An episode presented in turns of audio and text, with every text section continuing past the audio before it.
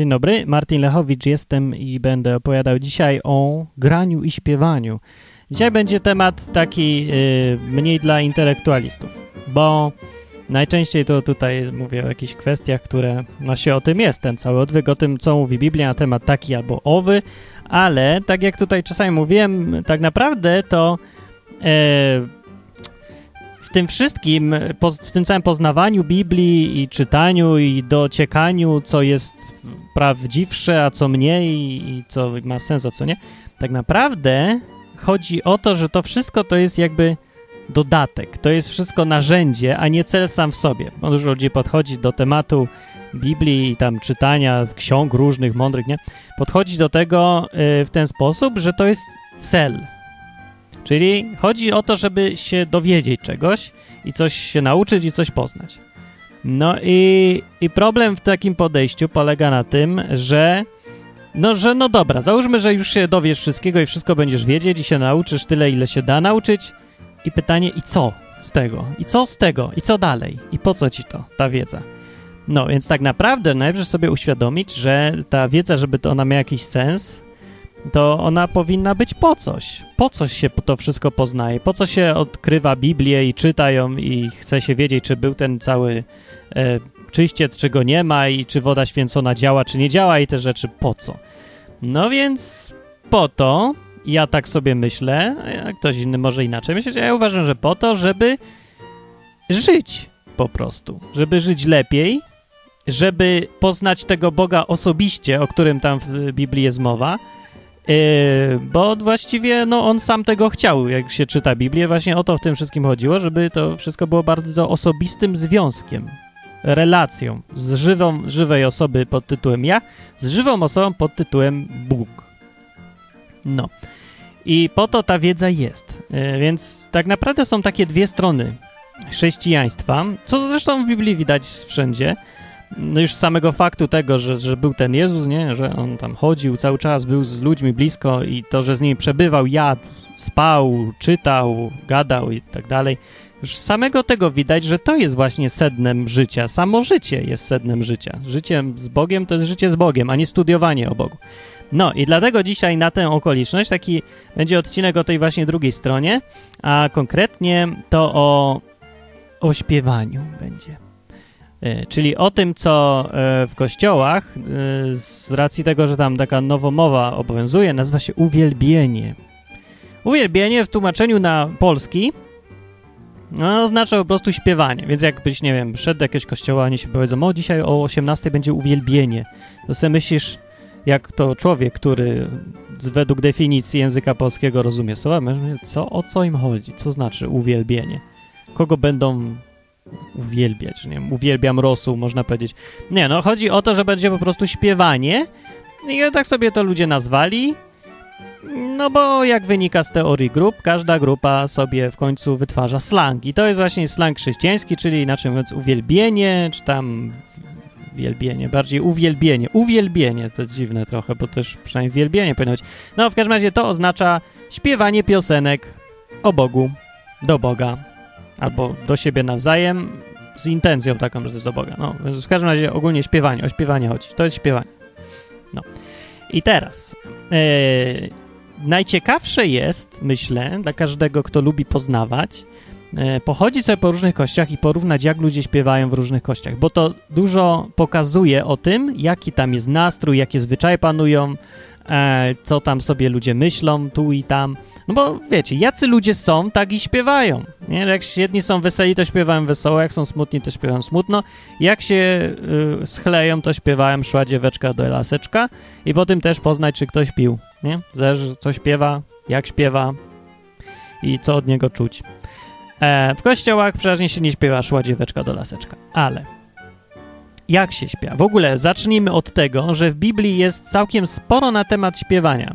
No, bo się wydawało, że to jest jakaś taka niepozorna y, życiowa czynność, y, neutralna zupełnie i jak jest, to, to jest, jak nie ma, to nie ma, no, wszystko jedno. Ale nie tak do końca wszystko jedno. Się okazuje, że y, o śpiewakach, pierwsza zmianka w ogóle jest o niejakim i Jubal się chyba nazywał człowiek. Jubal, tak?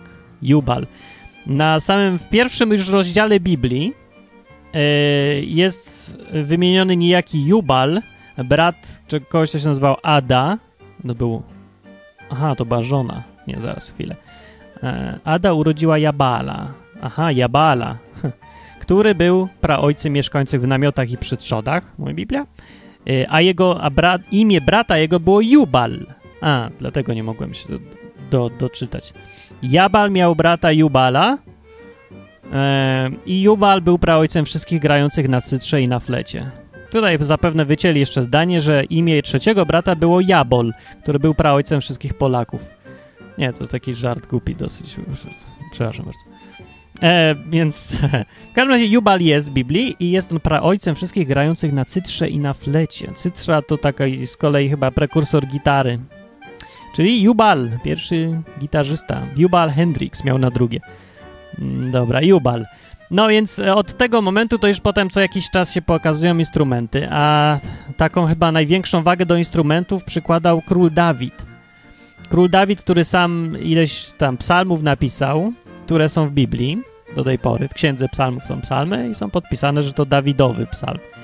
E, I psalmy to były najczęściej zwykłe piosenki po prostu, tam pieśni, jak to chce. E, co ciekawe, część z nich jest na tą samą melodię. Tam jest napisane czasem na początku psalmu na melodię taką i taką, nie? I to się powtarza, co, co pokazuje, że właściwie melodia nie jest aż tak ważna. Jak się powtarza, niech się powtarza, nie o to chodzi. To nie, nie chodzi o to, żeby się silnić na oryginalność, tylko żeby było fajnie. E, I bardzo mi się podoba to podejście zresztą. E, no i co? I tak, i ten Dawid e, bardzo lubił grać, sam zresztą grał. Grał królowi Saulowi, który przed nim był królem w Izraelu, żeby go uspokajać. To miał takie na uspokojenie sobie król Saul zażywał muzyki. Nie mieli tam wtedy innych środków, zapewne. Jak go dopadał zły duch, tak jest napisane w Biblii, to, to przychodził Dawid i mu grał i mu to pomagało. No, takie, to muzyka dobra jest na różne rzeczy. No i ten Dawid y, nie tylko sam grał, ale w ogóle lubił muzykę i m, szczególnie lubił chyba, na to wychodzi z Biblii, e, chwalić Boga przez muzykę i tą muzyką. Ustanawiał wszędzie, gdzie tylko mógł, jak już miał władzę, e, żeby to zrobić, to ustanawiał wszędzie muzyków. Znaczy wszędzie, czyli koło świątyni, w tych wszystkich sprawach związanych z Bogiem, tam gdzieś koło Arki, Przymierza, koło świątyni, kiedy jakiś był procesję z Arką Przymierza. Yy, na jaką procesję znaczy? W sumie procesję. No, raz zabrał po prostu Arkę Przymierza z jednego miasta, żeby ją do świątyni dotransportować. Tam w sumie jeszcze nie była świątynia, tylko taki przybytek się to, to nazywało. No, w każdym razie, jak z nią szedł, to oczywiście dookoła wszędzie pełno śpiewaków i muzyków było i mieli śpiewać. Yy, takie, no, pieśni ku czci Boga i grać dużo też. No i też w psalmach on pisze, grajcie Panu na tym, grajcie Panu na tamtym, tak jak mówi pewna, jedna taka piosenka znana z piwnicy pod baranami. Grajcie Panu na harfie i tak dalej. No to, to Dawid król wymyślił i zresztą on to opisał. A w piwnicy pod baranami zerżnęli z niego. To bardzo ładnie zresztą. No, więc e, muzyka jest i występuje w Biblii. E, no i teraz problem polega na tym, że muzyka muzyce nierówna. I teraz różne kościoły różną muzykę mają. Ale wszędzie jest tak, i to jest uniwersalna jakaś prawda o ludziach. Taka, którą łatwo zauważyć i, i, nie trzeba do tego żadnych zapisanych dowodów przeprowadzać, ani czytać, nie musi to być zapisane w Biblii, bo to widać, że mianowicie to, e, że wszędzie, w każdej kulturze ludzie naturalnie e, zaczynają śpiewać dla Boga. Znaczy to, że to nie trzeba kogoś nauczyć, że trzeba śpiewać, bo, bo normalnie nie śpiewają, tylko się modlą, na przykład gadają, gadają, tylko sami chcą też śpiewać. Śpiew uważany jest powszechnie w, w różnych kulturach za jeden ze sposobów, kto wie czy nie najlepszy w ogóle, oddawania czci Bogu. Różnym Bogom swoim, każdym, każdy tam swojemu. No, ale temu Bogu z Biblii też przede wszystkim i on się zdaje z tego bardzo też być zadowolony. E, więc ogólnie to jest dobre, po pierwsze, bo on tak nie ma, nie protestuje Boga ani nic. E, po drugie, to jest zupełnie naturalne, co na co wskazują obserwacje. Więc śpiewajmy, myślę, to jest dobry pomysł śpiewać tak. Teraz ze śpiewaniem jest taki problem, y, jak się z mężczyzną, że to dla mężczyzny to nie jest takie proste. Bo to jest właśnie, wychodzą chyba takie różnice płci. Ja nie wiem, czy to prawda, ale ja tak zaobserwowałem, że dziewczynom zawsze było dużo łatwiej śpiewać. Nie wiem dlaczego. Ja myślę, że to ma związek z tym, że y, u dziewczyn to jest takie naturalne pokazywanie uczuć, bo zawsze jak się śpiewa, to musisz tych uczucia z siebie wywalić trochę na wierzch. I dla mężczyzny to jest takie mm, nienaturalne, bo dla niego to, to nie jest normalne, że się o uczuciach gada, o uczuciach śpiewa, więc on się ten musi tego nauczyć dopiero, żeby śpiewać. E, I to, co u kobiet jest naturalne, to mężczyźni się muszą nauczyć. To samo jest i z tańcem. Zauważyłem, że kobiety to są naturalne, a u mężczyzn to tylko jak się z gejem. Albo jak się długo chodziło do kościoła, bo niestety w kościołach mężczyźni nie wieścieją. Na ogół, nie zawsze, ale to, to częste zjawisko. I wtedy, no właściwie, no to, co się stosuje do gejów, to się stosuje też i do nich, czyli naturalnie umieją tańczyć i śpiewają i płaczą i, i się rozrzewniają i tak dalej to takie, prawda, no plusy są przynajmniej takie, że, że są szczerzy, minusy są takie, że są słabi mało męscy, ogólnie tak się trochę wszystko potem rozsypuje, ale nieważne, to nie o to chodzi. No, y, z drugiej strony, dziwne jest zjawisko takie, że mężczyźni naturalnie sami z siebie z kolei śpiewają tak, jak należy śpiewać, czyli z przepony. Zresztą o, o, tutaj coś tam, a kobiety śpiewają oddychając piersią, piersią. Po to je mają, żeby ich używać, rozumiem? Więc oddychają pełną piersią, a mężczyźni oddychają sobie tak zwanym brzuchem, też po to go mają, żeby im rósł. Co ciekawe, no właśnie jak widać każda płeć używa to, co, tego, co jej najbardziej rośnie, czyli jak mężczyzn, kobiety mam większy tu, to tutaj oddycham, a mężczyźni tam niżej, to tam oddycham. Ja nie wiem, to pewnie się wiąże z jakąś ergonomią organizmu, ja nie wiem, mniejsza z tym, nieważne. No w każdym razie, żeby była równowaga, to tak jest, że kobiety, żeby nauczyć się, żeby dobrze śpiewać, muszą się nauczyć używać przepony, a mężczyźni, żeby dobrze śpiewać, muszą się nauczyć w ogóle śpiewać, żeby być naturalnym w tym pokazywaniu emocji, uczuć i tak dalej. No.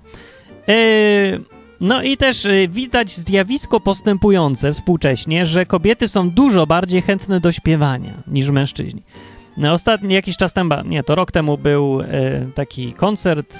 No, przyjechał jeden gość, który muzyką gospel się zajmuje no i zrobił takie, że każdy, kto chce, to się nauczy, będą śpiewać. No i ten. I, I tam się ludzie zapisywali i oczywiście znowu było widać na takie warsztaty gospel, to były właśnie warsztaty, to słowo mi uciekło. I na tych warsztatach od razu było widać, że są kobiety, tak, kobiet jest wszędzie, dużo, nadmiar kobiet, wszędzie kobiety, więc wybierać soprany, alty to było z czego, ale wybrać tenorów i basów, to za cholerę nie szło. Basów w ogóle nie było, to trzeba było paru tenorów do, dosztukować tam. No i ogólnie widać w takich sytuacjach, że mężczyźni raczej śpiewać, no właśnie nie chcą, co potwierdza moją tezę, że to jest dla nich nienaturalne. Ale ciekawe zjawisko jest takie, że nie zawsze tak było. Wcale tak nie było kiedyś i była ogólnie taka bardziej równowaga. Yy, jakoś nie było problemu na przykład w kulturze hebrajskiej. To, wszystko jest związane z królem Dawidem i i tak dalej. No to tam nie ma najmniejszego problemu w tym, żeby mężczyźni śpiewali. Tam właściwie to większość mężczyzn śpiewa. E, kantorami są mężczyźni, nie? I w ogóle, no za czasów Dawida, jak on też e, w, tam sobie sam śpiewał, albo z tą marką przyli, no to mężczyźni głównie byli muzykami. W ogóle wszystkimi muzykami byli mężczyźni. E, jak on ustanawiał muzyków, można sobie przeczytać Biblii, kogo ustanowił, sami mężczyźni. Kobiety też śpiewały. Tam jest napisane, że za czasów Mojżesza Miriam grała syna bębenkach, jego siostra. Więc też oczywiście, ale mężczyzn nie brakowało i było ich, bym powiedział, więcej. I zdecydowanie oni byli przełożonymi muzycznymi takimi, czyli, ja wiem, jakiś tam przełożonymi chóru czy czegoś takiego. A w chórze to pewnie już tam różnie, nie? Ale przełożonymi też byli mężczyźni, więc ogólnie to się coś zmieniło. Eee, no i to też chyba jeden z tych znaków czasów, że, że zniewieściało społeczeństwo po prostu i już, no bo ja nie wiem jak to nazwać inaczej, może to z czego innego bierze, może jesteśmy taki czy, czuli tacy, tacy, a, emocje. Nie, bo to by wtedy okazało, wtedy by mężczyźni chętnie śpiewali. No to ja nie wiem o co chodzi. No, ale dobra. Eee, I teraz są różne sposoby śpiewania i style. I to jest ciekawe, jak się teraz pochodzi po kościach, tak jak mówiłem, bardzo ciekawe dla obserwatora pochodzić. No więc co, w kościół katolicki jaki jest, to widzimy, ale to na końcu, bo to każdy widzi właściwie. No, na, mm, zaczynając od judaizmu, ja sobie tu przygotowałem takie, żeby pokazać, jak brzmią muzyki e, żydowskie, muzyka żydowska. Właśnie leci sobie w kawałek. To jest jedna z tradycyjnych piosenek e, żydowskich. I te tradycyjne to są właśnie mniej więcej pokazują w sposób, w jaki Żydzi śpiewają. e, śpiewa, śpiewali da, wcześniej, dawniej i śpiewają dalej te piosenki.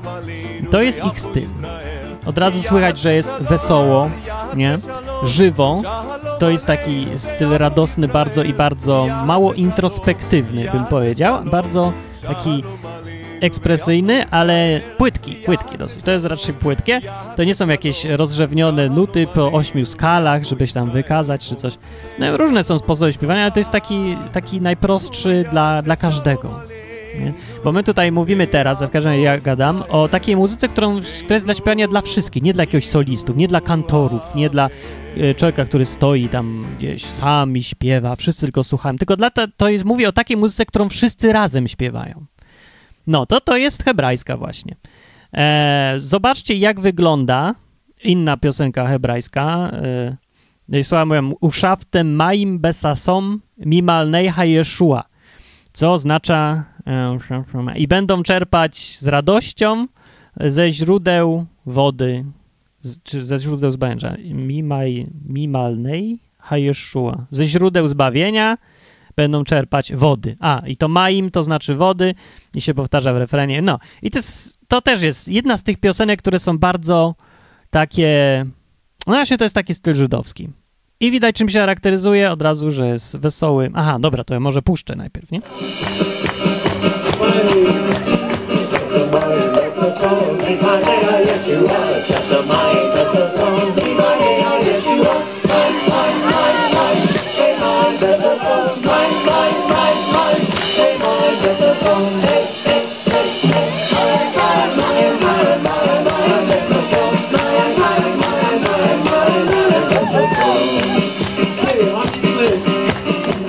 To była, to jest tylko fragment w internecie znaleziony. Hanuka w roku 2006 e, w San Diego na rynku. Tak się mniej więcej wyglądają święta e, hebrajskie. No, to jest e, Hanuka to jest święto dosyć wesołe, jak widać. tak wygląda święto.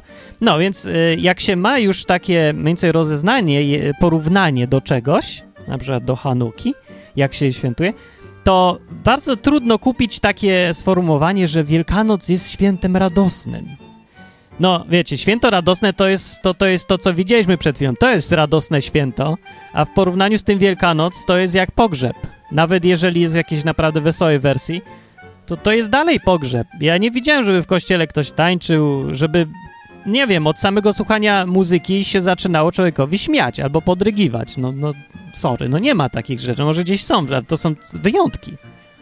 No to może oczywiście wyjątki są wszędzie, ale nie mówimy o wyjątkach, mówimy o tym, jak jest na ogół i na ogół to jest tak, że Wielkanoc to, to tylko można uznać za wesołe święto w Polsce, kiedy się w ogóle nie ma porównania z niczym innym.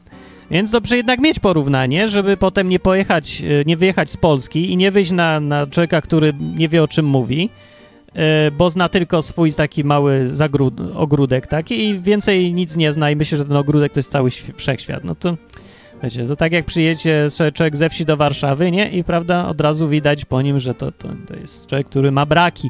Więc nie miejmy braków, tylko poznawajmy. Tak wygląda Wesołe Święto Hanuka. I tak wygląda sposób śpiewania Żydów. No i rzeczywiście tak jest. Jak byłem na Pesach też osobiście na, na innych świętach żydowskich, to, to tak jest. To, to jest taka norma. To nie jest, że jakiś znowu wyjątek, że sy tańczą, tylko ogólnie jest wesoło na wesołych świętach. Są, jest tam święto poważne, Jom Kippur, to jest, to jest ciężkie święto, ale większość jest, yy, większość świąt hebrajskich, żydowskich, mm, to są okazje, żeby się śmiać i cieszyć i bawić. I tak samo mówi Biblia, żeby w święta się cieszyć. Święta się daje prezenty, święta się śpiewa takie piosenki właśnie. Yy, cieszy się z Boga, cieszy się z tego, że ich uratował, że tam utopił Egipcjan, a, ich, a oni przeżyli i takie rzeczy. Yy, na Purim się bardzo, też bardzo wesołe święto, dużo, dużo wina. Yy, rumu dużo, tak. I na Purim tak samo też jakieś tam zabawy są, prezenty, coś tam, no, bardzo, bardzo wesołe. W każdym razie, jak byłem, to też lubię Purim. No i to też się y, cieszy się człowiek też z ratunku, które tam gdzieś przyszło. Właściwie większość świąt polega na tym, że się, y, żeby się człowiek z czegoś cieszył. No, znaczy tak ogólnie świąt, bo w Polsce to właśnie mamy dziwną chyba definicję świąt. Święta w polskie trzeba kontemplować. a w święta na przykład hebrajskie trzeba się cieszyć. Ja nie, nie widzę powodu, dla którego człowiek, zdrowy człowiek na umyśle miałby y, być, wolałby być chory i smutny niż y, zdrowy i bogaty i wesoły. Zdrowy i wesoły. Chory i smutny, nie wiem jak to się nazywał? Lepiej być zdrowym i bogatym niż chorym i biednym. No to tak jest właśnie na ogół na świecie, że lepiej się cieszyć, być zdrowym i bogatym, a w Polsce lepiej być smutnym, chorym i biednym. E, I od tego są święta. No więc ja bym chciał, żeby to się zmieniło i niektórzy też w samej rzeczy usiłują to zmieniać i bardzo dobrze, że tak robią. Może zarazi się resztę narodu, to wtedy nie będą tak desperacko e, głosować na byle faceta, który się tylko uśmiecha, bo tak są spragnieni jakiegoś uśmiechu. Dobra, e, tak wygląda w każdym razie, dobrze, takie są piosenki styl hebrajski. Myślę, że to jest też podobny styl do tego, co było y, dawniej, co czytamy w Biblii, w Starym Testamencie. Tam wszędzie, wszędzie, gdzie jest mowa o radosnym śpiewaniu, to, jest, to są te piosenki. To sobie teraz możecie tak się wczuć lepiej, że to jest taki nastrój. No, fantastyczny według mnie jest. No, ale co kto lubi też. Dobra, e, protestanci teraz. Albo, dobrze, why not? Protestanci z kolei dzielą się piosenkowo na protestantów starych i protestantów nowych. No bo, powiedzmy, no tak, nazwijmy to tak umownie, starych i współczesnych. I starzy, stare piosenki u starych baptystów to są w większości przypadków hymny. Są takie śpiewniki stare, też i z tych śpiewników się przeważnie śpiewało. W kościele baptystów się to taki śpiewnik nazywa Głos Wiary chyba i tam są właśnie tłumaczenia tych starych protestanckich piosenek. No i są też nowe piosenki, nowo, nowy protestantyzm jest taki. Yy, I w skrócie to ktoś to mi to kiedyś powiedział tak, że starzy protestanci to śpiewali jedną piosenkę, co ma 20 zwrotek, a nowi śpiewają e, jedną zwrotkę 20 razy. O. I to tak mniej więcej wygląda różnica. No właściwie ci, tak, rzeczywiście były takie długaśne bardzo e, dawniej piosenki u protestantów, bardzo piękne. One są naprawdę bardzo piękne. Pod rokiem się śpiewa w oryginale. E, albo z dobrym bardzo tłumaczeniem. I o tym to jest kolejna kwestia, kwestia tłumaczeń. No ale to za chwilę będzie. E, więc to są piosenki długie i bardzo treściwe. E, jest bardzo dużą dbałością o słowa, o jakość tych słów. E, one nie wywołują jakichś. O, no nie, no, wywołują. Każda piosenka wywołuje jakieś emocje. Emocje wywołujące E, piosenki staroprotestanckie to są głównie taka świętość, taka majestat, z tym się kojarzą, z pokazywaniem wielkości Boga, z, z jakąś pokorą człowieka względem Boga. Takie mniej więcej klimaty krążą, że Bóg jest wielki, dobry, jest z miłością, ale jest sprawiedliwy też jak taki ojciec, takie, ale ojciec, król, majestat, takie rzeczy, wiecie, to tak się mniej więcej kojarzy e, na ogół u Hebrajczyków to klimat był taki, że tak, to też jest ojciec, ale tam jest radość z tego. Duża, wielka radość przede wszystkim. No, dziwne też trochę. E, w, dobrze, i teraz nowo, nowo protestanckie piosenki, no to właśnie przypominają trochę mantrowanie, takie do śpiewania w, na nabożeństwach współczesnych. To jedna, jest kilka różnych piosenek współczesnych. Jedna z tych... E, grup to są piosenki typu mantra, czyli właśnie powtarza się jedno słowo, na przykład Jesus się powtarza Jesus, Jesus i tak leci sobie refren, tylko jakiś bardziej taki emocjonalny. E, no albo jakaś fraza, którą się powtarza, albo jest jakaś piosenka, która ma tam sobie jedną zwrotkę, bo dla formalności, żeby była albo ze dwie i potem jest refren, który się potem powtarza przez 15 minut, się śpiewa tylko refren. No. I to jest taki styl współczesno-protestancki. E, E, albo, to jest jedna z właśnie mantrujące piosenki, albo są też piosenki, nie, właśnie og ogólnie to tak się śpiewa piosenki, ale są piosenki też, które nie są takie proste, tylko są bardziej już rozbudowane, a są one są introspektywne, bym powiedział. One są są piosenki, które mają rozczulać, rozemocjonować, y, one się wszystkie właściwie podpinają pod nurt pod tytułem hiperemocjonalność. On polega na tym, że do Boga należy mieć stosunek im, że im bardziej się emocjonalnie podchodzi do Boga, tym lepiej. Czyli im więcej płaczesz na piosence, tym lepsza to jest piosenka. Jeżeli ci wyciska łzy e, pół wiadra, to, to jest lepsza piosenka niż jak ci wyciśnie łzy do kubeczka. No. No I oczywiście mogą to być łzy wzruszenia, najczęściej, najbardziej to ma być wzruszenie się w tych piosenkach, jakoś ma wygenerować. Radość to, to nie, to tak przy okazji zupełnie. Znaczy też, ale to taka, jeżeli radość, to radość taka już z namysłu, taka głębsza radość. To nie jest rechot na całe gardło, to nie jest skakanie, ale to jest radość głęboka, taka wypływająca, taka, po której radość przez łzy znowu, z łzy radości najlepiej, zresztą wszędzie łzy powinny być. To jest jeden nurt, mówię, bo to jest kilka różnych. E, no, ale to jest myślę dominujący, to, to taka contemporary music jest. No i ten nurt się robi najbardziej popularny w tych współczesno-protestanckich kościołach, E, tak. No i oczywiście są też i nurty takie inne, na przykład takie weselsze piosenki. Są piosenki, których nie jest wiele, ale są to piosenki takie z powerem. I tu tak e, puszczę chyba na koniec, mam gdzieś tutaj. Może też i trochę lekko rzewne, ale już z powerem i takie już bardziej wersja męska. E, albo inaczej można podzielić te piosenki współczesne. Ja się tak długo skupiam na protestanckich, ale zaraz powiem dlaczego. E, można je podzielić tak. Są piosenki, które skupiałem się na tobie, czyli na tym, na człowieku, który śpiewa. I one mówią tak, że ja kocham Boga, mi jest smutno i Bóg mnie pocieszył, yy, było mi źle i Bóg mnie błogosławił, i albo Bóg mi daje to i to i to sprawia, że się czuję tak i tak. Ogólnie one się koncentrują na moich uczuciach względem Boga.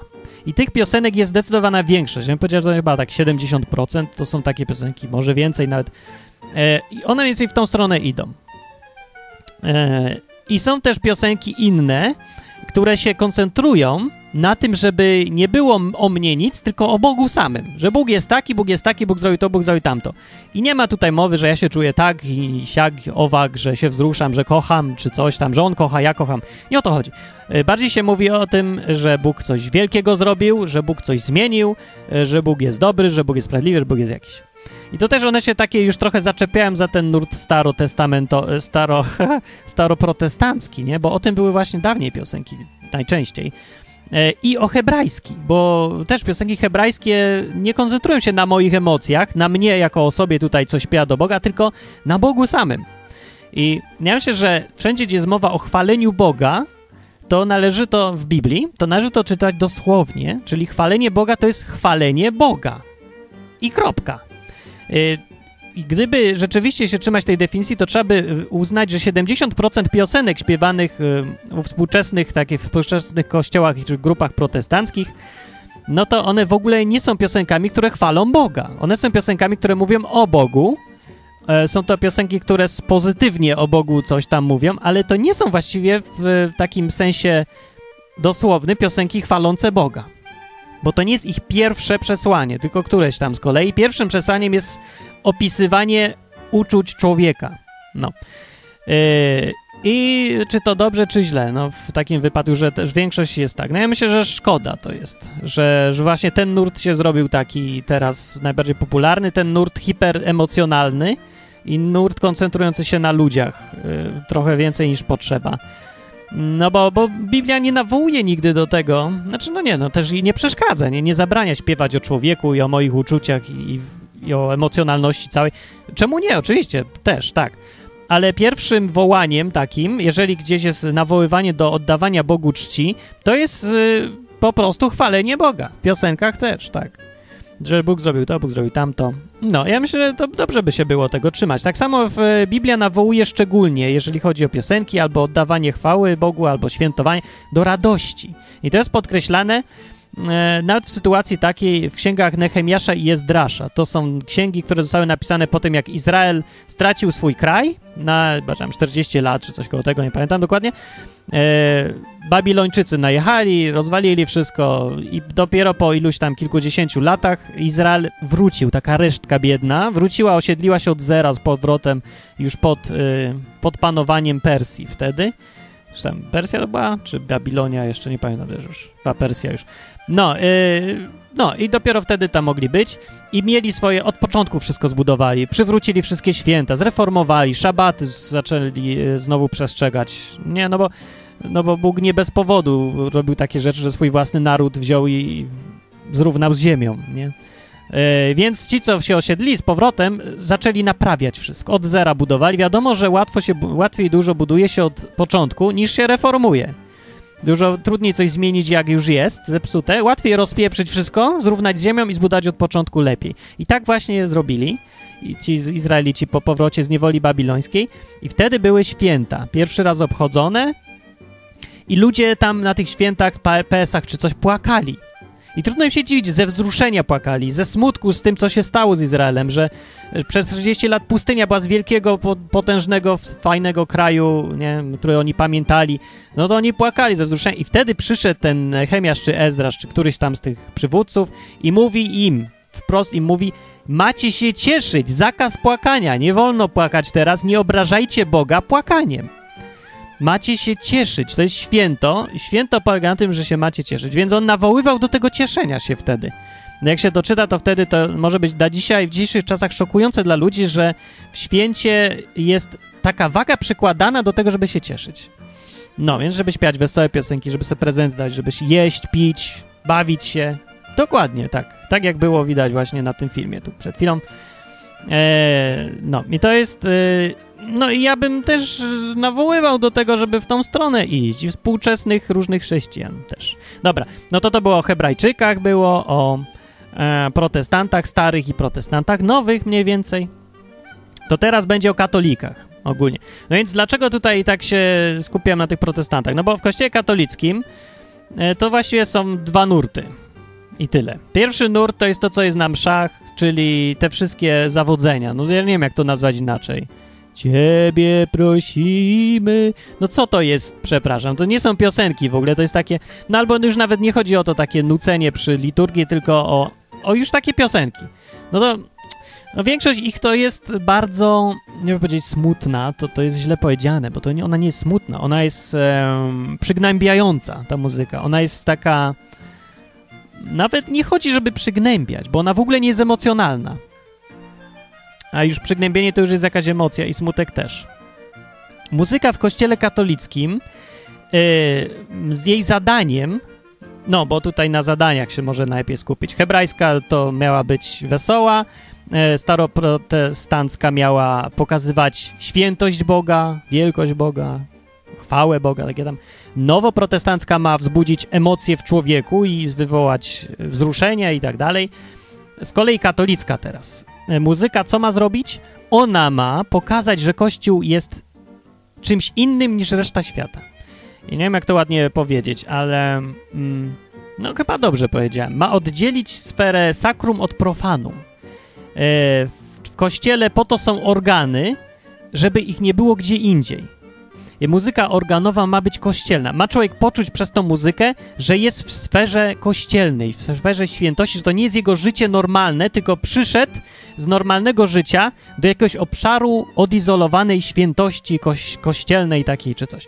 I taka jest rola pieśni, bo to już nawet nie są piosenki. Piosenki to już są takie z życia, a rola pieśni kościelnych jest taka, żeby pokazać, że to jest kościół. I to właściwie do tego się sprowadzają te takie klasyczne pieśni, różne mszalne, kościelne czy coś. To są pieśni, których się nie śpiewa na co dzień w ogóle, bo one nie od tego są. Ich nawet nie powinno się, bo to brzmi jak profanacja trochę, nie? Jak ktoś sobie jaja robi, to wystarczy, że weźmie którąś z tych piosenek, chce sobie jaja zrobić i dołoży do niej zwykły tekst i już jest parodia jakaś, jest profanacja i jest śmieszne. Dlaczego? No właśnie dlatego, że rolą pieśni kościelnych, katolickich jest to, żeby nie wychodzić poza kościół. No. Y, I to jest taki główny nurt klasyczny. I teraz oprócz tego są też inne, wiadomo, nurty pieśniarskie w kościele katolickim i większość z nich się wiąże z różnymi grupami kościelnymi, dookoła kościelnymi typu neokatechumenat, typu oaza, typu odnowa w Duchu Świętym i podobne grupy. I w większości przypadków to są grupy skupiające młodych ludzi, którzy chcieli coś by bardziej żywego jednak i nie chcieliby tej izolacji Kościoła od życia, tylko oni by chcieli wprowadzać Kościół w życie. I to jest taki nurt dosyć zrozumiały dla wszystkich, właściwie na świecie, bo wszędzie tak jest, tylko w Kościele katolickim właśnie to jest wyłom z tego Kościoła, bo właśnie Kościół katolicki dąży do tej separacji sakrum od profanum, tego co świeckie od tego co święte, takie kościelne bym powiedział. No i te grupy jakby chcą to zlikwidować, tą różnicę i dlatego oni tam wprowadzają gitary, taki, czyli instrument taki właściwie z życia normalnego do kościoła wprowadzają. Wprowadzają piosenki nie mające za zadanie oddzielać e, tutaj, podkreślać sferę sa sakrum, tak? Tylko wywoływać emocje mające, radość autentyczną, taką ludzką, nie? E, I ja myślę, że tu dużym zwolennikiem tego podejścia był Jan Paweł II, Karol Wojtyła, inaczej mówiąc. E, I dlatego go między innymi ludzie tak strasznie lubili chyba, bo on właśnie wziął, wbrew temu głównemu nurtowi Kościoła katolickiego, on chciał zrównać jakby przenieść, znaczy no, zlikwidować granice między Kościołem a ludźmi. I też po całym jego postępowaniu to widać, że przestał, e, on to on zlikwidował to, że się w lektyce papieża nosiło, że, e, że się jakoś tak e, no, tym bogactwem e, ludzi w, oczach, w oczy biło, żeby było widać, że to tacy inni są ludzie, ci cały kler to, to, to nie są zwykli ludzie. No to wziął i zlikwidował i zszedł do poziomu człowieka, tak samo i z muzycznie, nie? Te piosenki, które on lubił, to były tam Barka, to taka lekka piosenka właściwie, jest taka do śpiewania na co dzień, nie? A nie taka w kościele przy organach. No i to są te klimaty, które, no i te wszystkie oazy, potem i te odnowy w Duchu Świętym i inne grupy, dużo zawdzięczają właśnie temu, że on ten nurt inny wypromował w Kościele Katolickim. Ja myślę, że to jest bardzo dobre i pozytywne było i za to, y, choćby nie wiem, jak się było przeciwnym jego naukom, powiedzmy, Kościoła Katolickiego, należy uznać tutaj duże zasługi tego Karola Wojtyły w promowanie, y, w, jakby włączenie w reformę Kościoła katolickiego, w promowanie tego nurtu, gdzie się y, Kościół jakoś do życia normalnego miesza. Dobra, i teraz, tutaj właśnie to nie ma o czym gadać w tych grupach. W tych grupach, gdzie jest ten nurt y, bardziej taki ludzki, piosenkowo, to tutaj to nie ma o czym gadać. Dlaczego? Dlatego, że wszystkie piosenki, które tam się śpiewałem, są zerżnięte od protestantów. Nie wszystkie, mówię tak w przybliżeniu wszystkie, czyli z 5% to są takie jakieś skądinąd wzięte piosenki, albo wszystkie te, które są takie maryjne, to, to też oczywiście nie od protestantów, bo oni się na Bogu skupiają zdecydowanie i tam się czci Jezusa, Boga, tyle, Ducha Świętego tam jakiś, co jakiś czas i tyle, więc jak jakiś tekst maryjny, no to już jest pewne, że to jednak jest oryginał. No, ale większość tych piosenek to jest wzięta po prostu żywcem od protestantów, przejęta z własnymi słowami, własnym tłumaczeniem, trochę coś tam ewentualnie pozmieniane. No, ale większość to są tak. Dlaczego? No dlatego, że no, hmm, no hello, dlaczego? No z oczywistego powodu, że oryginał jest na ogół lepszy niż kopia. Yy, I oryginalnie to, no wiecie, tak naprawdę cały ten nurt w kościele katolickim, który chce bardziej który właśnie chce zlikwidować ten, ten rozdział na sakrum, profanum i kościół jakiś taki ludzki uczynić, tak naprawdę to oni chcą zrobić dokładnie to, co protestanci zrobili 500 lat wcześniej, więc trudno się dziwić, że po, takich, e, po 500 latach, powiedzmy, próbowania i uczenia się i pisania piosenek tych wszystkich, no to jednak protestanci mają lepsze te piosenki i to wszystko niż ci, ten nurt katolicki, który teraz odkrywa Amerykę na nowo i, i wyważa otwarte drzwi i właściwie chce klimat prowadzić protestancki w kościół katolicki. No, nie no, no to może i dobre, tylko mówię, że efektem tego jest oczywiście to, że będą naturalnie przejmować te wszystkie piosenki i klimaty z kościołów jakichś protestanckich, ewangelicznych, czy takich różnych w ogóle niezrzeszonych tam, no ale takich protestantyzujących, bym powiedział, czyli tych, którzy po prostu są bliżej Biblii i y, zlikwidowali sobie tą, te, ten, ten, taką świętość kleru i tak dalej, tylko wszystko się takie na innym poziomie zrobią to od nich to się przejmuje i trudno się dziwić. Właściwie to są same plusy tego, ja uważam. Tyle że trzeba o tym zawsze pamiętać, to może, może zawsze tak na zdrowie ludziom wyjść. Tych, którzy są w jakichś grupach, yy, ja wiem, typu właśnie o, na odnowa w Duchu Świętym, no bo, no bo wiecie, to zawsze, jeżeli sobie człowiek uświadomi tam, że on, on się tu uważa za katolika, katolika z katolików i w ogóle wszyscy inni to heretycy, że tam mało takich ludzi z takimi poglądami, ale jeżeli tak ktoś tak by patrzył, to jak sobie uświadomi, że większość tego, co śpiewa, to to są y, piosenki protestanckie zupełnie od z dziada pradziada, to, to może mu przejdzie trochę, nie? Ta ksenofobia. Więc ogólnie to takie rzeczy są dobre. Poza tym, no one takie fajne są, bo łączą trochę ludzi i, i mniej takie zdziczenie jest, że, że się wszyscy wszystkich boją. Więc ogólnie ja myślę, że to jest pozytywne. No, ale tym tyle, że nie ma o czym mówić tutaj, bo bo to nie jest jakiś osobny nurt w tych piosenkowy w tych grupach katolickich, tylko to są właśnie piosenki skopiowane z innego nurtu. Ale Niekoniecznie, mnie nie do końca tak jest. Są piosenki, które, e, które ja szczególnie lubię, które nie są ani przejęte od protestantów, a jeżeli są, to ja nie wiem skąd, bo zupełnie. E, nie, ale nie, no są po prostu piosenki nieprzejęte, są napisane przez lokalnych chyba, kogoś nie wiem, przez Polaków może, albo po polsku od razu, albo genialnie przetłumaczone. No nie wiem, ale wyróżniałem się i klimatem, to nie jest taki klimat typowo jakiś tam z kościoła protestanckiego wzięty, e, i słowa też są, nie są takie proste, tylko są już bardziej e, takie polskie, bym powiedział, językowo.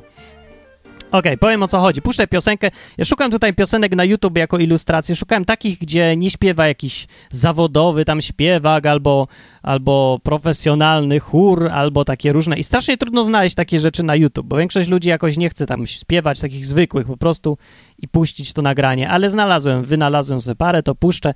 E, to jest takie nagranie jakieś co to było kółko muzyczne w szkole podstawowej znalazłem. To jest jedna z tych piosenek, o które mi chodzi, które... Yy, jakoś mi się kojarzą właśnie bardziej z, z katolickim sposobem śpiewania, z nurtem takim katolickim piosenek, który ja bardzo lubię. Ja strasznie lubię tą piosenkę w ogóle i bardzo lubię te piosenki. Ja bym chciał, żeby ich było więcej. Nie wiem skąd się wzięła ta piosenka, kto to jest w oryginale. Jak ktoś wie, kto ją napisał, wymyślił, skomponował, to niech mi powie, ja zawsze chciałem się dowiedzieć, czyja to jest piosenka. E, I czy to jest, nie wiem, też oryginał jakiś amerykański znowu, czy, czy to właśnie lokalne. No, więc tak brzmi ta piosenka.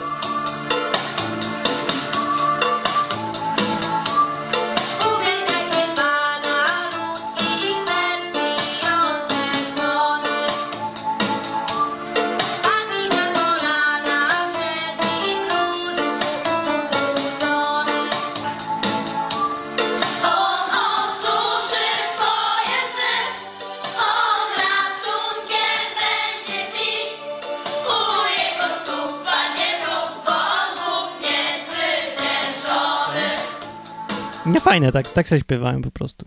To jest w ogóle chyba jakaś szkoła nawet. To trochę dziwne, że takie piosenki w, w zwykłym kółku neutralnym światopoglądowo się śpiewano, ale może piosenka jak piosenka, w sumie to, to też piosenka można zaśpiewać, czemu nie? No, to jeszcze chciałem pokazać piosenkę dla odmiany teraz. Na czym polega nurt rzewny, wyciskacz łez, koncentrujący się na uczuciach człowieka, a nie na, na oddawaniu chwały Bogu, y, wykonaniu kogoś tam z internetu, jaka, jakieś dziewczę.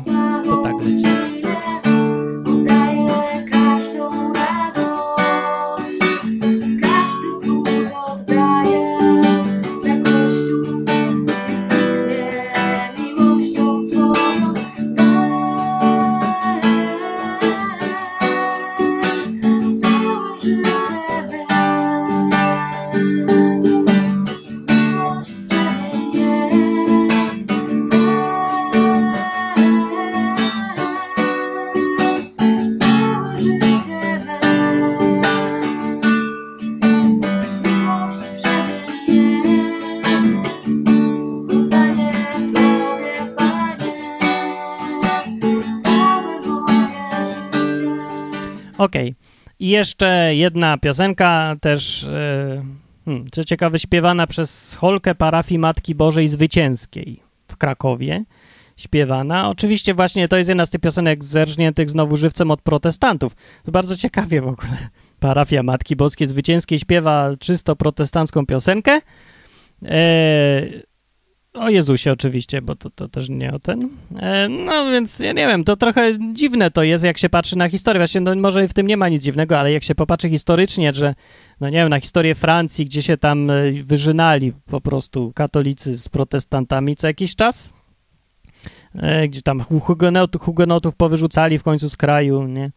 Gdzie oni się przesiedlili do innych, y, skutkiem czego Francja potem siadła gospodarczo potwornie. No, ale jak się na to patrzy, to kiedyś, kiedyś to by było nie do pomyślenia, y, żeby w katolickim kościele śpiewać jakąś heretycką piosenkę, mimo że by była dobra, no po prostu takie kiedyś ludzie mieli podejście, a dziś mają trochę inne i ja myślę, że jednak to dzisiejsze jest zdecydowanie lepsze, bo kto by nie chciał posłuchać takich piosenek.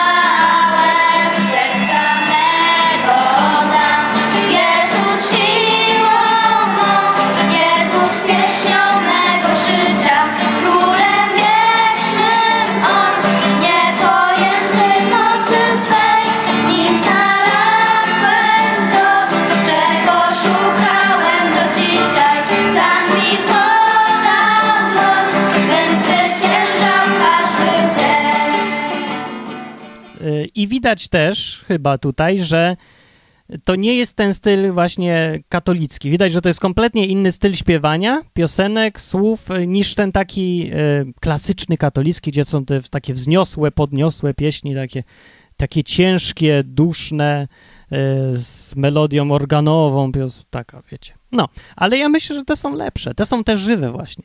Bo w chrześcijaństwie, na koniec już tak powiem e, prawie, że chodzi o to, żeby nim żyć, a nie żeby tylko o nim gadać. No, ja tutaj chciałem to przypomnieć, szczególnie po ostatnich komentarzach na odwyku, gdzie jakieś dyskusje znowu się zaczynają.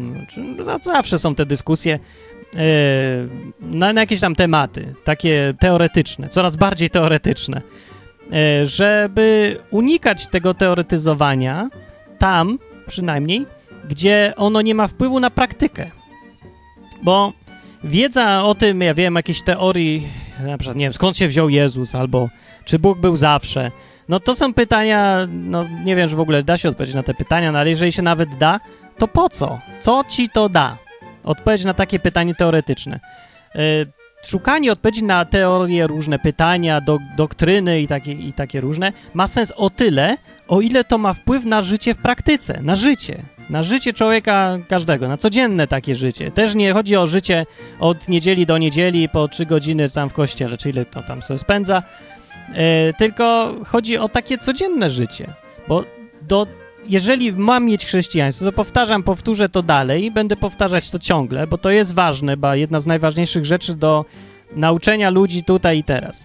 Jeżeli chrześcijaństwo ma mieć sens, jakiekolwiek, w jakimkolwiek wydaniu, odmianie, wersji, to tylko takie, które wpływ ma na codzienne, prawdziwe życie każdego człowieka, a nie takie chrześcijaństwo, które się przejawia tylko w tym, że masz coś inteligentnego do powiedzenia albo coś, co fajnie brzmi, jakiś nawet spójny i mądry światopogląd, który się w ogóle nie przekłada na twoje życie. Bo to, to, to, po co takie coś? No, dla ozdoby, dla, żeby się wykazać, no może, że bardzo.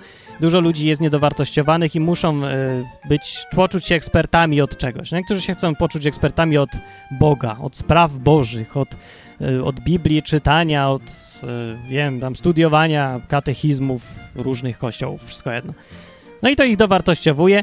I tu też nie zwracajmy uwagi, że nawet to ich szukanie jakiejś teorii, wiedzy, mądrości, czy jak sobie tam nazwą, nawet to ma jakieś, zasadza się w ich konkretnym życiu, w jakiejś psychologii. Oni to robią, bo oni to robią najczęściej z powodów takich, że są niedowartościowani na przykład. To i tak zawsze będzie, to prawdziwe życie zawsze wylezie y, ze, wszelkiego teoretyzowania. Nikt nie jest bezstronny nigdy w takich sprawach. Nikt nie jest obiektywny, bo każdy zawsze ma swoje życie i zawsze będziemy subiektywni. E, dlatego trzeba to zawsze o tym pamiętać przy każdej rozmowie z każdym. Przy tym, e, przy szukaniu jakiejś wiedzy i mądrości, i walki, przy każdej walce o słowa i o wersety. Czasem warto, a czasem nie warto. Warto wtedy, kiedy to ma znaczenie w praktycznym życiu człowieka. A jeżeli nie ma znaczenia, to w ogóle nie warto. No, można nie wiem, w ramach y, gadania takiego, po prostu, żeby sobie o czymś pogadać, nie, nieistotnym zupełnie. To sobie wtedy można przy piwku pogadać, jakieś dyskusje. No. Yy, I na koniec, więc, aha, jeszcze kwestia tłumaczenia i, i kończymy. Kwestia tłumaczeń to jest dosyć istotna sprawa w Polsce przy śpiewaniu różnych piosenek. E, bo zauważyłem od dawna, odkąd pamiętam, E, że był zawsze problem z piosenkami śpiewanymi po polsku. Znaczy, to odkryłem właśnie dopiero wtedy, jak je poznałem po angielsku. Nie, najpierw poznałem te różne piosenki, pieśni, pioseneczki i tak dalej, śpiewane właśnie razem, takie o Bogu. Poznałem je po angielsku, w oryginale. I one były fantastyczne. Od razu pamiętam, jak pierwszy raz usłyszałem dużo z tych pieśni. Niektóre to są z tych, co tutaj puszczałem, i dużo innych, naprawdę bardzo ładne i bardzo takie porywające, albo ja nie wiem jak to powiedzieć. Niektóre wzbudzają też i emocje, dużo takich jest dobrze, że wzbudzają, bardzo fajnie, fajnie wzbudzają. Ja szczególnie lubię jednak te weselsze zawsze, które wzbudzają emocje radości. No, ale one wszystkie po angielsku były takie, jakie były, bo one takie, tak zostały napisane. Zawsze co oryginał, to oryginał i tutaj nie ma, nie ma mocnych na to. No i teraz jak potem e, poszedłem do jakiegoś kościoła polskiego, to słyszę te same piosenki. E, bo w Polsce się zżyna, no ogólnie, no to niestety to jest taka no lipa trochę, no. Że się zżyna, no to dobrze, że się zżyna, dobre rzeczy warto przejmować od innych, no ale tam mi chodzi o te proporcje, no proporcje są jakieś trochę, że zaburzone są, no, no nie wiem, no 9 na 10 piosenek to są wszystko kopie z czegoś. E, albo tłumaczenia, albo ja wiem. No, nie, a jedna to jest jakaś oryginał bardziej już, taka bardziej lokalna, no nie wiem.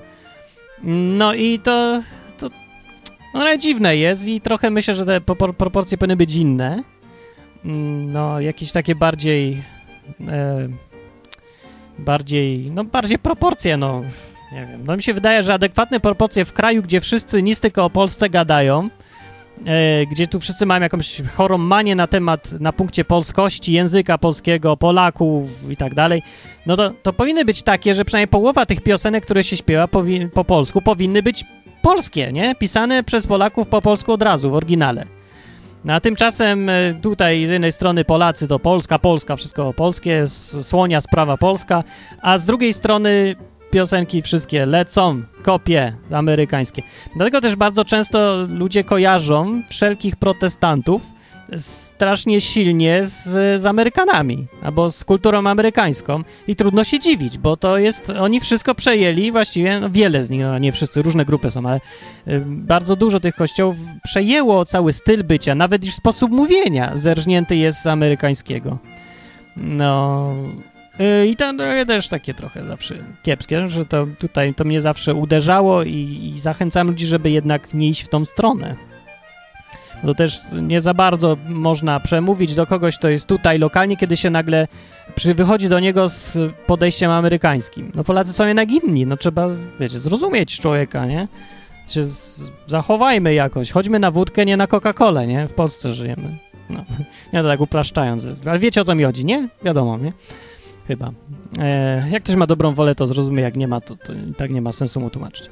Więc y, powiem tyle, że y, nie wiem skąd się bierze to, yy, że jak już są te piosenki, to one są tak koszmarnie tłumaczone na polski. No to, jest, to mnie szczególnie irytuje, bo ja się zajmuję większość życia albo tłumaczeniem, albo pisaniem tekstów, albo tworzeniem tekstów, takie rzeczy. Pioseniem, piosenek też zresztą.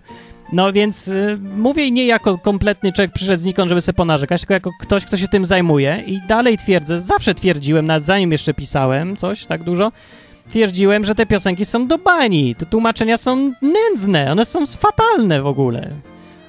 Na ogół, bo różne są, ale na ogół one są do bani. One się nadają tylko do wyrzucenia i napisania od początku.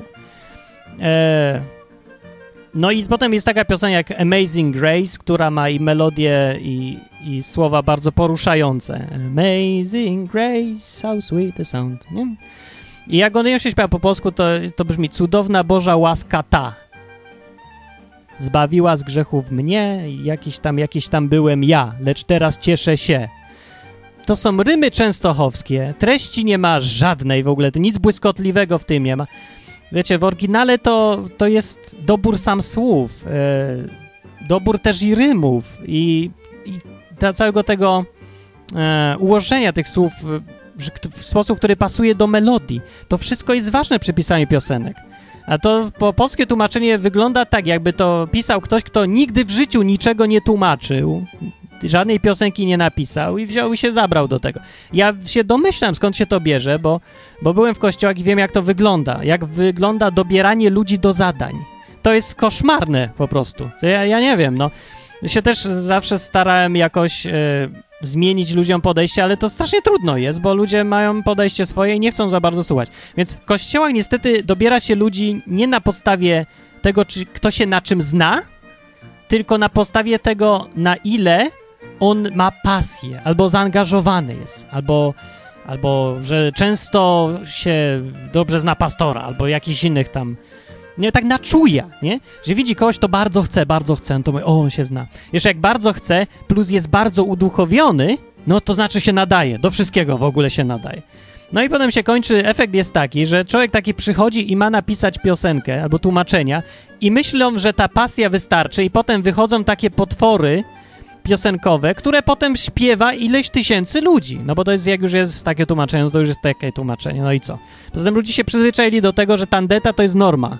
I to też mi się, no, no też, no, no ludzie, litości. Potem przyjdzie ktoś z zewnątrz, usłyszy te takie rymy częstochowskie i kanciaste teksty i pomyśli, co, co to jest, no. No co to jest? No, Gracjan Rostocki czy co? No i to nie dobre jest naprawdę. Więc tak samo jak i w polityce się jest takie określenie rząd fachowców. Jeszcze nikomu się nie udało zrobić czegoś takiego jak rząd fachowców, no ale wiadomo o co chodzi, że w rządzie powinni być ludzie, którzy się znają. Czyli do minister, ministrem rolnictwa powinien być ktoś, kto uprawiał ziemię przez 20 lat i doił krowy i się na tym zna, jeszcze najlepiej jak się trochę pouczył na ten temat. Nie? A nie jakiś kolega, kolegi, kolegi, który jest, chodzi tylko o to, że jest lojalny. W kościele jest to samo, że do zadań się wyznacza ludzi lojalnych, a nie znających się na tym. I to jest do zmiany od zaraz, natychmiast do zmiany. Cała ta mentalność i już. I efekt będzie wszystkiego lepszy. Nie wiem skąd się bierze to podejście. No może z, właśnie z jakiegoś wybiórczego czytania Biblii, z jakiegoś takiego ogólnego podejścia do Boga, że pasja zastąpi wszystko. Zastąpi naukę, zastąpi yy, pracę, uczenie się, wystarczy poprosić, pomodlić się, mieć dużo zaangażowania i wszystko zrobimy. No więc ludzie, nie zrobimy. No już yy, jeżeli nawet yy, nie docierają takie argumenty Yy, właśnie typu argumenty, jakieś roz, odwoływanie się do rozsądku tych wszystkich ludzi, którzy decydują o tym, kto się czym zajmuje, to niech przekonają ich efekty. Niech popatrzą na to, co przynosi jakie efekty i zgodnie z tym zmieniają sposób nie? jakiejś yy, organizacji rzeczy. No, myślę, że to, to już na pewno każdy przyzna, że po owocach należy osądzać sprawy. Że jeżeli jakaś sprawa, sposób postępowania przynosi dobre owoce, to się tego trzymać. Jeżeli nie przynosi dobrych, poszukać innego, a nie być zadowolonym, że wszystko jest w porządku i zrobiliśmy tyle, ile mogliśmy. Nieprawda, nie zrobiliście tyle, ile mogliście. Mogliście zatrudnić człowieka, który pisze piosenki do przetłumaczenia, mogliście zatrudnić, ja wiem, człowieka, który już coś zrobił e, podobnego i był oceniany pozytywnie przez innych.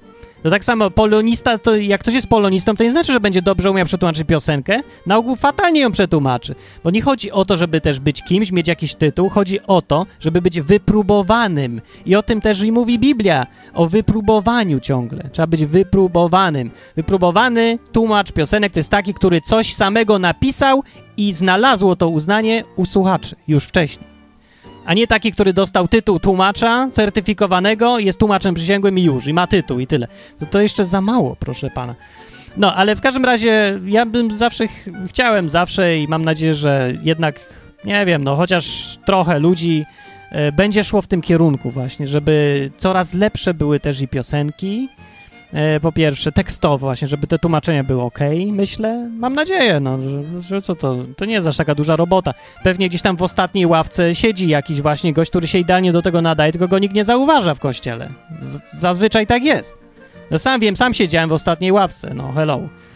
E, jakoś nikt mnie nigdy nie poprosił, żebym cokolwiek przetłumaczył ani napisał. No niech mi nikt nie powie, że po, teraz po tylu latach nie okazało się, że jednak umiem pisać i umiem y, nawet wymyślać piosenki tak, żeby ktoś to chciał słuchać. Nikt w życiu mi tego nie zaproponował. Więc coś chyba jest naprawdę nie tak, ja myślę, bo to nie, nie żebym ja był jakiś wyjątek. Ja widziałem to cały czas. Jak wszędzie ludzie są w kościele, którzy są fantastyczni w czymś, co robią i nikt ich nie zauważa. Tylko zauważa się tych, co się najgłośniej modlą, idą do pierwszej, w pierwszej ławce i e, najpierw jeszcze przychodzą na obiady do pastora, bo wtedy ich widać i oni są bardzo tacy, a wychodzą. Niestety czasem trzeba wyjść do ludzi, ci z góry mają wyjść do ludzi, poszukać tych, co się znają. Dobrze, to tyle. I jeszcze, no i chciałbym oczywiście na koniec też, jak mówiłem, żeby więcej było wesołości, więcej stylu hebrajskiego, może tego. To jest, to jest coś, co brakuje. Mniej kobiecości, mniej koncentracji na sobie, więcej na Bogu. E, I na koniec piosenka, która jest myślę jedną z moich ulubionych. Śpiewam tym, kto ją napisał. Rich Mullins. E, e, śpiewam tym, kto ją napisał i tyle. No. Właściwie ona pokazuje też, że on też mówił wcześniej, że nie tyle chodzi o to, żeby rozumieć wszystko, chodzi też o to, żeby żyć. Jeżeli ktoś chce życie, to chrześcijaństwo jest dla niego. Tyle. Mówiłem Martin Lechowicz. Piszcie komentarze na stronie www.odwyk.com. If you want a religion that makes sense, I, I, I, suggest something other than Christianity. But if you want a religion that makes life, then uh, I think this is the one.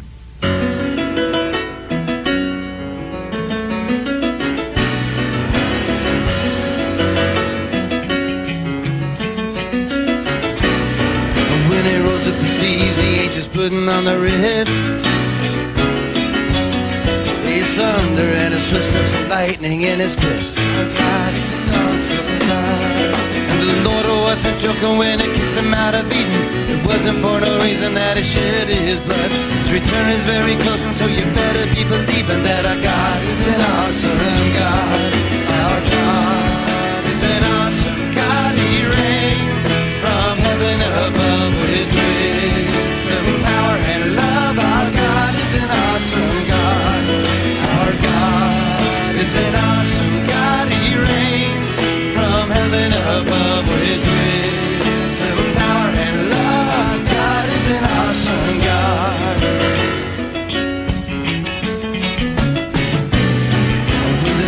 the was starless and devoid of the night, spoke into the darkness and created the light. Judgment and wrath He poured out on Sodom. Mercy and grace He gave us at the cross. What do we have not to? We've forgotten that our God is an awesome God.